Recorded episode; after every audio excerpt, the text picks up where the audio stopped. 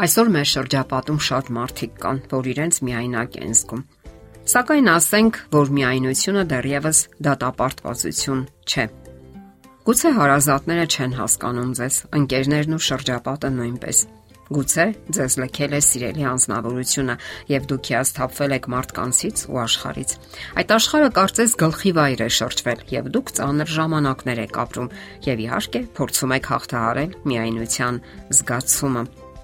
Նման վիճակը կարելի է բնորոշել այսպես. միայնակ, բայց ոչ դատապարտված։ Ելքն այն է, որ դուք փոխեք նախքին կացութած ձևը։ Մարդկային հարաբերությունների որոնումներին զուգընթաց դուք պետք է կարգավորեք ձեր ստեղծագործական կյանքը։ Շատ միայնակ մարդիկ են ստեղծագործական հաջողությունների հասել։ Հիշենք նրանցից ոմանց. Լեոնարդո դա Վինչի, մեծ նկարիչ, գիտնական եւ ինժեներ, Իր կյանքում նա այնքան բան է ստեղծել, որ գործնականում դա անհնար է թվում մեկ մարդու համար։ Ինչ էլ որ նա նախաձեռնել է, ինչի մեջ էլ որ ցանկացել է առաջ գնալ, համարյա կատարելության է հասել։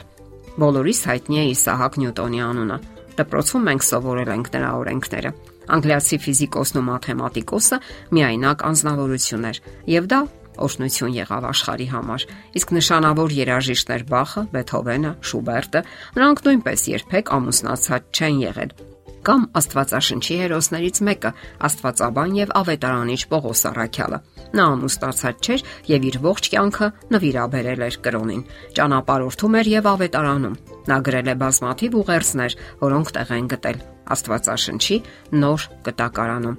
Հասկանալի է իհարկե, որ ամուսնանալը բնականon երևույթ է եւ համարյա բոլորն էլ երազում են ամուսնանալ։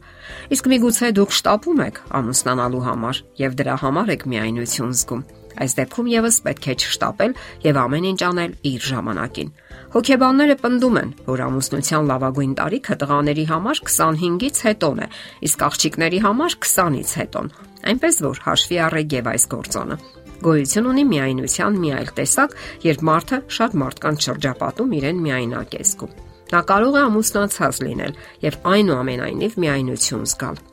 Սոցիալական հոգեբան Ջոն Կաչիոպոն գրում է. Միայնության զգացումը կախված է սոցիալական կոնտակտների որակից, այլ ոչ քանակից։ Այստեղ կարևոր է ոչ թե այն փաստը, որ մարդը մենակ է ապրում, այլ այն, թե արդյոք նա իրեն մենակ է զգում։ Բոլոր նրանք, ովքեր բաժանվել են իրենց կնոջից կամ ամուսնուց, կվկայեն, որ չկա ավելի միայնակ կյանք, քան այն մարդու հետ կյանքը, որին չեք սիրում։ Հարկավոր է գիտակցական որոշում ընդունել,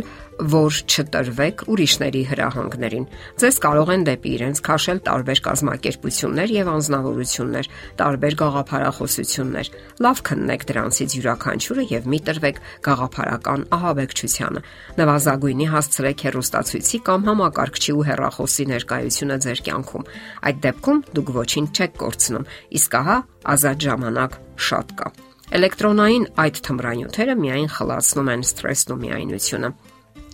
Միայնության պատճառներից մեկն էլ թերարժեքությունն է։ Փորձեք ճանաչել ձեզ։ Արդյոք ունեք ներքին բարդույթներ, անառողջ մտքեր սեփական անձի վերաբերյալ, որ դուք լավը չեք, գեղեցիկ չեք, խելացի չեք։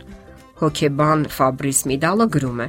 Միայն դեմ դիմաց կանգնելով պարազիտ մտքերի դեմ, մենք կարող ենք ընդունել մեր թուլությունները եւ նշանակում է լինել ներողամիտ ինքներս մեր հանդեպ։ Սա նշանակում է, որ մենք ոչ թե սկսում ենք գովաբանել մեզ եւ հիանալ մեզնով, այլ այնպես ենք անում, որ բուժենք մանկության ժամանակ ստացած վերքերը եւ դա անում ենք այնպես, ինչպես կաներ մեր մայրը՝ նուրբ եւ քնքուշ։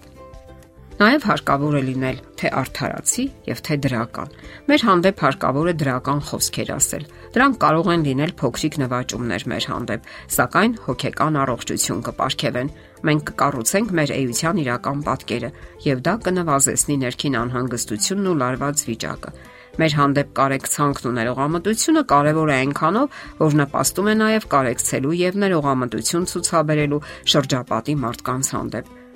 Մենք սովորում ենք ավելի լավ վերաբերմունք դրսևորել շրջապատի հանդեպ։ Չկա ոչինչ ավելի վարակիչ, քան բարությունն է։ Այսպես է վստահությամբ եզրափակում իր գիտական ուսումնասիրությունները Ֆաբրիս Միդալը։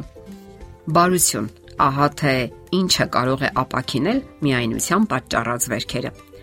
Հաղորդալուր լինելով ուրիշների դժվարություններին ու ցավերին, մենք դուրս կգանք միայնության ցավոտ շրջանակից։ Նշանավոր ավետարանիչ Նիկ Վոյչիչը գրում է. Կյանքը բաղկացած է ընդհանրապես 5 տարրից, սակայն մենք այնքան սովորելու բան ունենք։ Եթե դուք ընկեր չունեք, ինքներդ ընկեր դարձեք։ Եթե ձեր օրը վատ ընթացք է ունեցել, որևէ լավ բան արեք մեկ այլ մարդու հանդեպ։ Եթե դուք հոգեկան ցավի կամ տառապանքի մեջ եք, թեթևացրեք մեկ ուրիշի ցավը։ Դուք երբեք չեք կարող իմանալ, թե ինչով կարող եք փոխել աշխարհը, եթե ինքներդ բարություն չդրսևորեք մեզ կարող է տխրեցնել նաև առանց Աստծո կյանքը։ Մենք կարող ենք ունենալ ամեն ինչ՝ հարազատներ, հարստություն, բազմաթիվ հնարավորություններ հիանալի ապրելու համար, եւ այնուամենայնիվ մենք կարող ենք միայնություն զգալ։ Պատճառն այն է, որ նյութական արժեքները չեն հագեցնում հոգու քաղցը, եւ մենք ծարավի ենք Աստծո հետ հարաբերությունների։ Դե ինչ, միայնակ, բայց ոչ դատապարտված։ Ահա այս կարկախոսով կարող են ապրել իրենց միայնակ զգացողները։ Եթերում է առողջ ապրելակերպ հաղորդաշարը։ Հարցերի եւ առաջարկությունների համար զանգահարել 033 87 87 87 հեռախոսահամարով։